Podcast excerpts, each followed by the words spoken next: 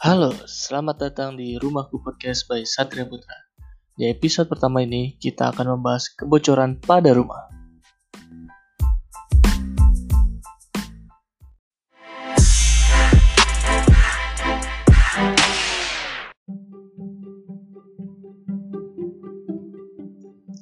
Ya, memasuki awal tahun 2021, artinya kita masuk dalam musim hujan di Indonesia. Gimana, rumah kamu udah hujan belum? Kalau belum, kamu harus bersiap-siap. Kamu yang mendengarkan podcast ini, pasti punya pengalaman tidak menyenangkan dengan musim hujan kan? Ya, pasti karena rumah bocor kan? Kamu pasti sangat terganggu dengan yang namanya kebocoran pada rumah. Karena bikin rumah kamu jadi rusak kan? Plafon jadi coklat, bolong, terus kamu harus siapin ember buat nadahin tetesannya kalau embernya penuh, luber, banjir di lantainya. Tapi kamu tahu nggak, ada juga loh kebocoran yang dapat mengganggu instalasi air di rumah kamu. Nah, kamu masuk ke podcast yang tepat nih. Kita akan bahas yang namanya kebocoran pada rumah dan memberikan solusinya kepada kamu. Mari kita bahas.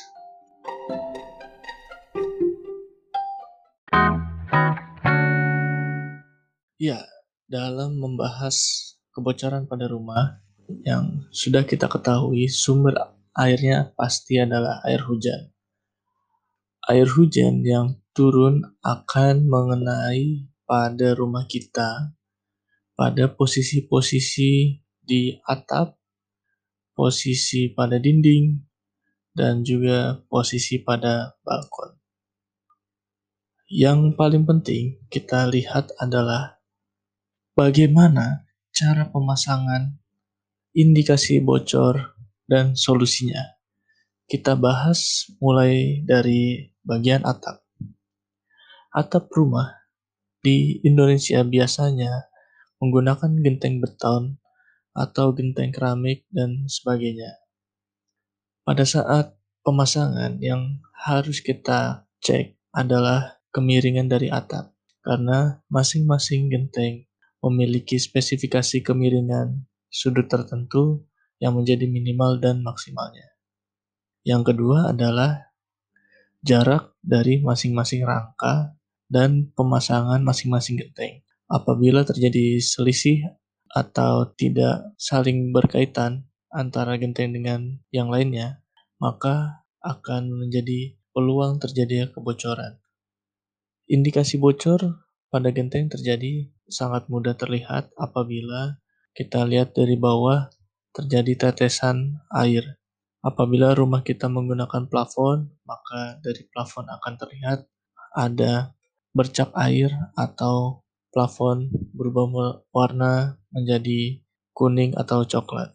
Untuk solusinya, genteng bisa kita perbaiki pemasangannya atau kita ganti dengan yang lebih baik. Biasanya kalau kita menggunakan genteng, kita memiliki cadangan genteng. Mungkin itu bisa digunakan apabila ternyata genteng kita ada yang retak karena mungkin pernah kita injak dan retak atau dari hewan atau memang produksi yang kurang baik.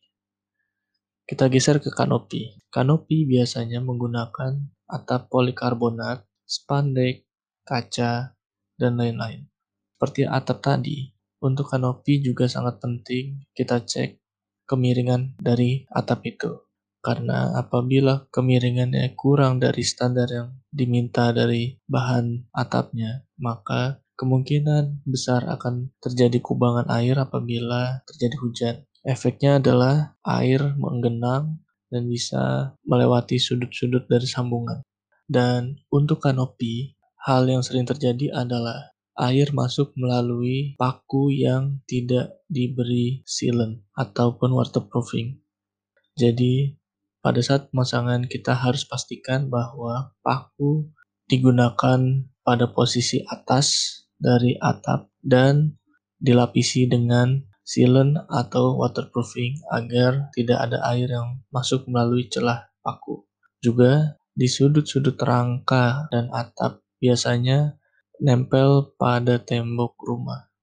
Di sudut-sudut itulah apabila tidak kita gunakan waterproofing ataupun sejenisnya juga bisa pakai sealant apabila tidak dikerjakan dengan baik maka kemungkinan akan rembes ke dinding dan terjadi kebocoran.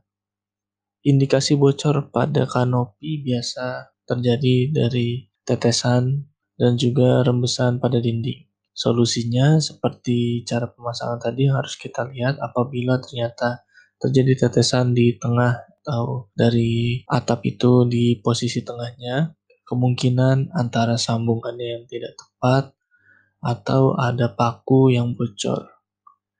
Paku yang bocor bisa kita perbaiki dengan menggunakan sealant atau waterproofing untuk menutup celahnya. Sambungan bisa kita perbaiki apabila pemasangannya tidak tepat. Dan untuk indikasi berikutnya kebocoran di dinding. Apabila terjadi rembesan air pada sisi dinding, maka harus kita perbaiki pemakaian sealant dan weather seal di sudut-sudut pertemuan dengan dinding. Agar pekerjaan sealant atau waterproofing di sudut-sudut dinding yang bertemu dengan atap terlihat rapi, maka kita gunakan selotip. Kita buat jalur agar bercak-bercak yang tidak rapi saat selotipnya dibuka akan menjadi rapi. Biasanya untuk sealant atau weather seal kita bisa menggunakan merek Dow Corning untuk sealant dan lain-lain itu menggunakan gun, alat untuk tembaknya, sehingga pekerjaan cukup rapi. Dan untuk weather shield biasa kita menggunakan no drop dari Avian atau Aquaproof dan lain-lain. Itu beberapa merek yang biasa digunakan. Untuk weather shield biasa minimal dua lapis dengan selisih waktu 30 menit sehingga air sulit menembus dari weather shield tersebut. Apabila kita hanya menggunakan satu lapis, akan berisiko apabila terkena matahari dan cuaca panas dingin yang sering berganti maka akan terjadi retakan dari lapisan aquaproof tersebut. Lalu untuk atap dak beton ini biasa untuk rumah-rumah yang lantai atasnya itu digunakan sebagai tempat jemur atau persiapan untuk nanti membangun lantai dua. Biasa menggunakan atapnya dak beton yang harus diperhatikan saat pemasangan adalah atau pada saat pengecoran adalah pastikan pengecoran menggunakan beton integral agar kedap air lalu pastikan setelah selesai pengecoran dilakukan curing beton agar tidak terjadi retakan pada coran. Dan setelah beton kering pastikan melapisi dak beton tersebut dengan waterproofing. Waterproofing yang biasa digunakan adalah tipe coating bisa merek Sika, Fosrock dan lain-lain bisa dicari di toko bangunan dan itu dikerjakan bisa menggunakan kuas atau roll dan bisa juga di spray. Yang paling penting pada saat pengerjaan waterproofing kita pastikan tidak ada yang terlewat lapisannya. Dan sebelum dilakukan lapisan di atasnya yaitu screed, baiknya dilakukan tes rendam dulu agar kita dapat memastikan tidak ada kebocoran yang terjadi. Sehingga pada saat dilapisi dengan script di atasnya, kita sudah finish tanpa ada kebocoran. Indikasi kebocoran pada dak beton bisa terjadi biasanya sangat mudah sekali yaitu tetesan air. Namun yang sulit dideteksi apabila kita menggunakan bondek. Apabila kita menggunakan bondek, maka kebocoran akan terjadi pada sudut-sudut bondek. Sedangkan kebocoran asli belum tentu di sudut itu, sehingga sangat sulit untuk mendeteksi posisi asli kebocoran dari air tersebut. Pengalaman saya untuk mengatasi itu, kita mengalirkan air dengan menggunakan corong, lalu kita alirkan dengan selang menuju area yang bisa dilalui tetesan air. Karena pada saat kita tutup di titik bocor apabila kita menggunakan bondek, bisa jadi air akan mencari titik yang bisa dilewati lagi. Sehingga kebocoran tidak kunjung berakhir. Dan yang tidak kalah penting untuk dak beton adalah posisi roof drain. Apabila roof drain kurang memadai, maka akan berpotensi terjadi genangan air. Semakin sering tergenang air, maka potensi bocor akan semakin tinggi. Dan yang kedua adalah pemasangan dari roof drain itu sendiri. Apabila pemasangan roof drain tidak baik dan tidak disilen dengan baik, maka ada kemungkinan air masuk dari celah-celah roof drain. Maka sangat perlu dilihat pada saat pemasangan roof drain dan setelah pengecoran dilakukan silen yang rapat di area roof drain dan dipastikan tidak bocor. Apabila kebocoran terdeteksi di awal, maka kita bisa mengulangi proses waterproofing coating sebelum kita melakukan script. Itu hal-hal yang biasa terjadi di area atap. Lalu kita bergeser ke area dinding.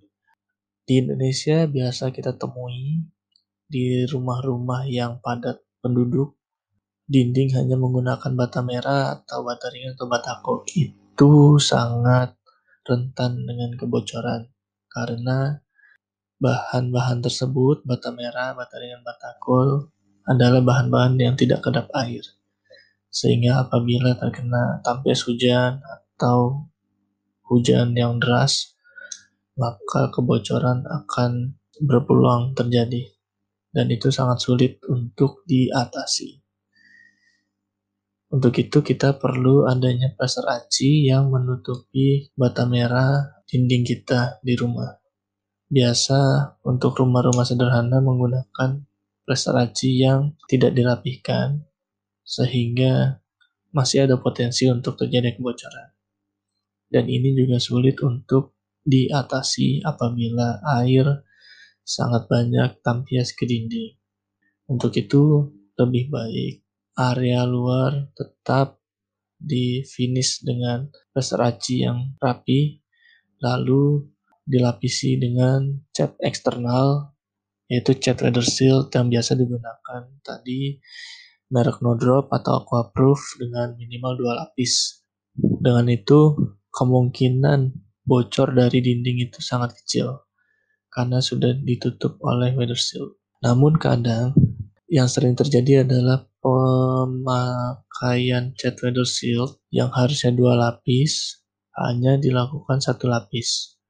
Sehingga sering terjadi pengeringan cat yang tidak sempurna, jadi tetap ada retakan-retakan dari cat tersebut.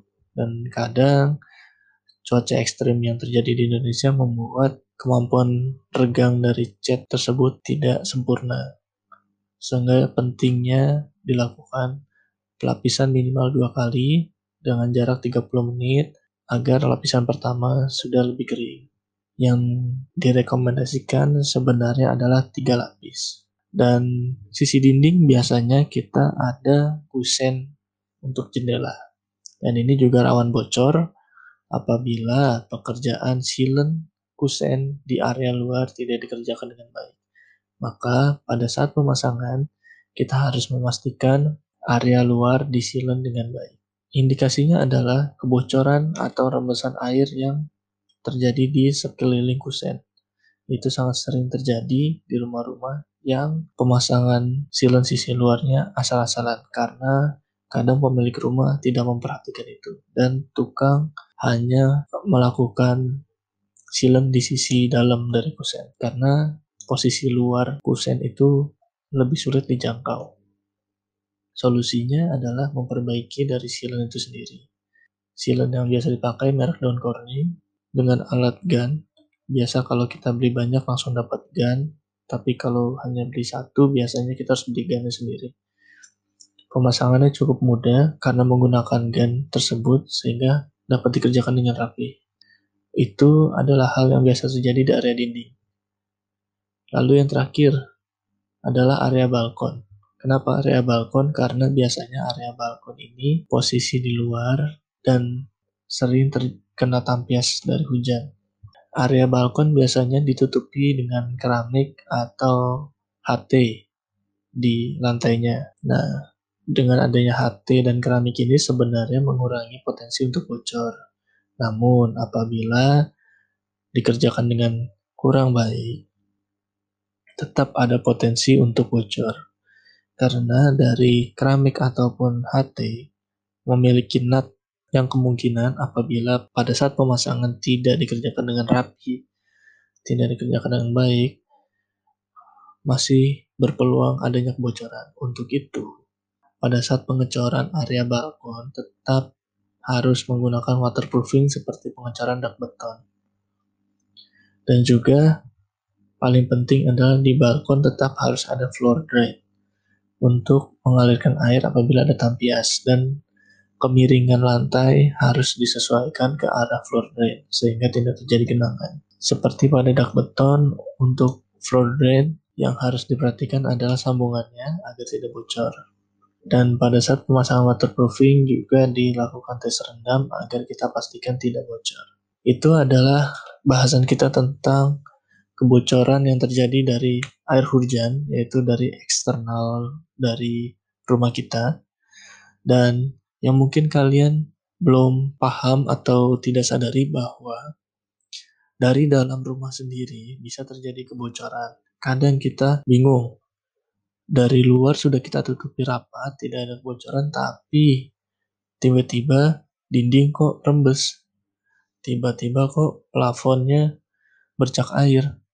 Nah, ternyata itu bisa terjadi apabila pipa instalasi air di rumah kita atau plumbing di rumah kita itu terjadi kebocoran. Standar dari rumah memiliki tiga sistem air, yaitu pipa air bersih, pipa air kotor, dan pipa air bekas. Pipa air bersih yang biasa kita gunakan untuk cuci tangan, mandi, dan sebagainya, biasa menggunakan torrent atau langsung dari jet pump. Untuk pipa air kotor, itu adalah yang kita keluarkan di kloset yaitu BAB dan BAK. Dan yang ketiga adalah pipa air bekas itu adalah air bekas dari cucian, biasa dari kitchen sink. Yang biasa terjadi adalah apabila sambungan-sambungan dari pipa itu tidak direkatkan dengan baik. Karena pipa-pipa di rumah kita itu Apabila belok akan menggunakan sambungan. Apabila bercabang juga menggunakan sambungan. Nah, apabila di sambungan tersebut tidak dilem dengan baik, maka ada kemungkinan terjadi kebocoran. Karena pipanya berposisi di dalam dari dinding atau di atas plafon, maka bila terjadi kebocoran di dalam pipa tersebut, akan terjadi rembesan ke dinding ataupun ke plafon rumah kita. Dan juga yang menyebabkan selain sambungannya adalah tekanan air.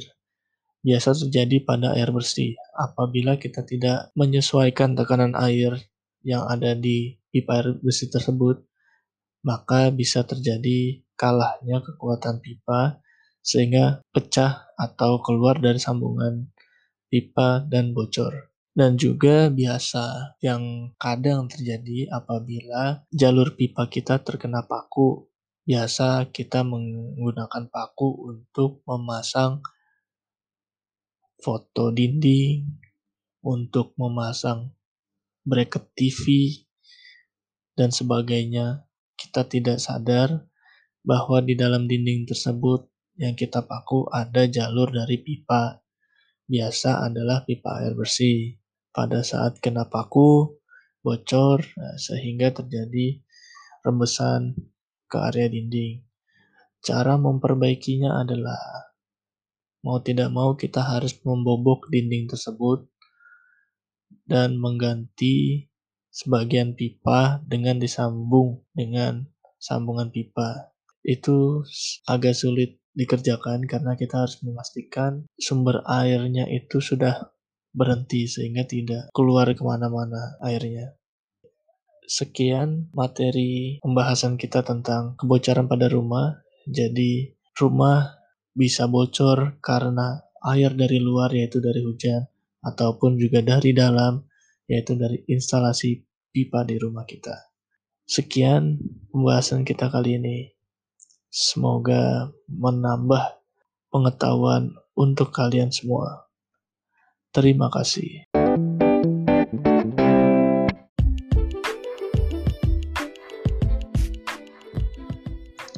Ya, kebocoran pada rumah bukanlah hal yang luar biasa, dan kamu pasti bisa mengatasinya. Ada banyak hal yang dapat menyebabkan kebocoran pada rumah kamu. Untuk memperbaikinya, Hal yang pertama harus kamu lakukan adalah menelusuri penyebab kebocoran yang sebenarnya. Karena setiap penyebab kebocoran harus ditangani dengan cara yang berbeda-beda. Lalu, setelah diperbaiki, jangan lupa untuk memantau hasilnya karena bisa jadi muncul titik bocor baru di tempat lain. Dan selalu lakukan maintenance secara berkala ya. Sekian pembahasan kita kali ini tentang kebocoran pada rumah. Semoga bermanfaat dan membantu kamu. Mohon maaf apabila podcast ini ada hal yang kurang tepat atau kurang berkenan. Dan apabila ada hal yang ingin kalian tanyakan atau tanggapi, kalian bisa kirimkan email ke satriaputrakonstruksi@gmail.com.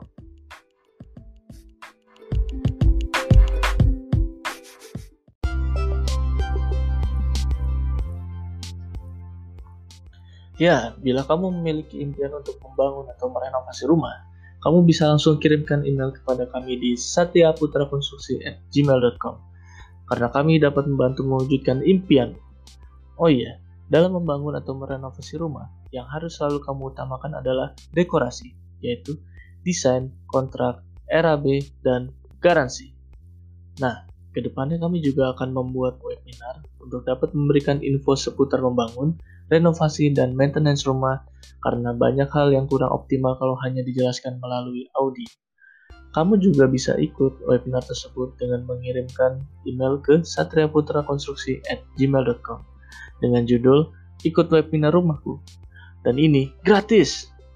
Kalian juga bisa memberikan masukan topik pembahasan episode berikutnya dengan mengirimkan email ke satriaputrakonstruksi@gmail.com. Terima kasih sudah mendengarkan Rumahku Podcast by Satria Putra. Dengarkan terus episode selanjutnya karena akan ada banyak info dan solusi yang akan kami berikan kepada kamu seputar membangun, renovasi, dan maintenance rumah. Oh iya, kalau menurut kamu podcast ini bermanfaat, tolong sebarkan podcast ini ke teman-teman kamu ya, agar semakin bermanfaat untuk banyak orang. Terima kasih.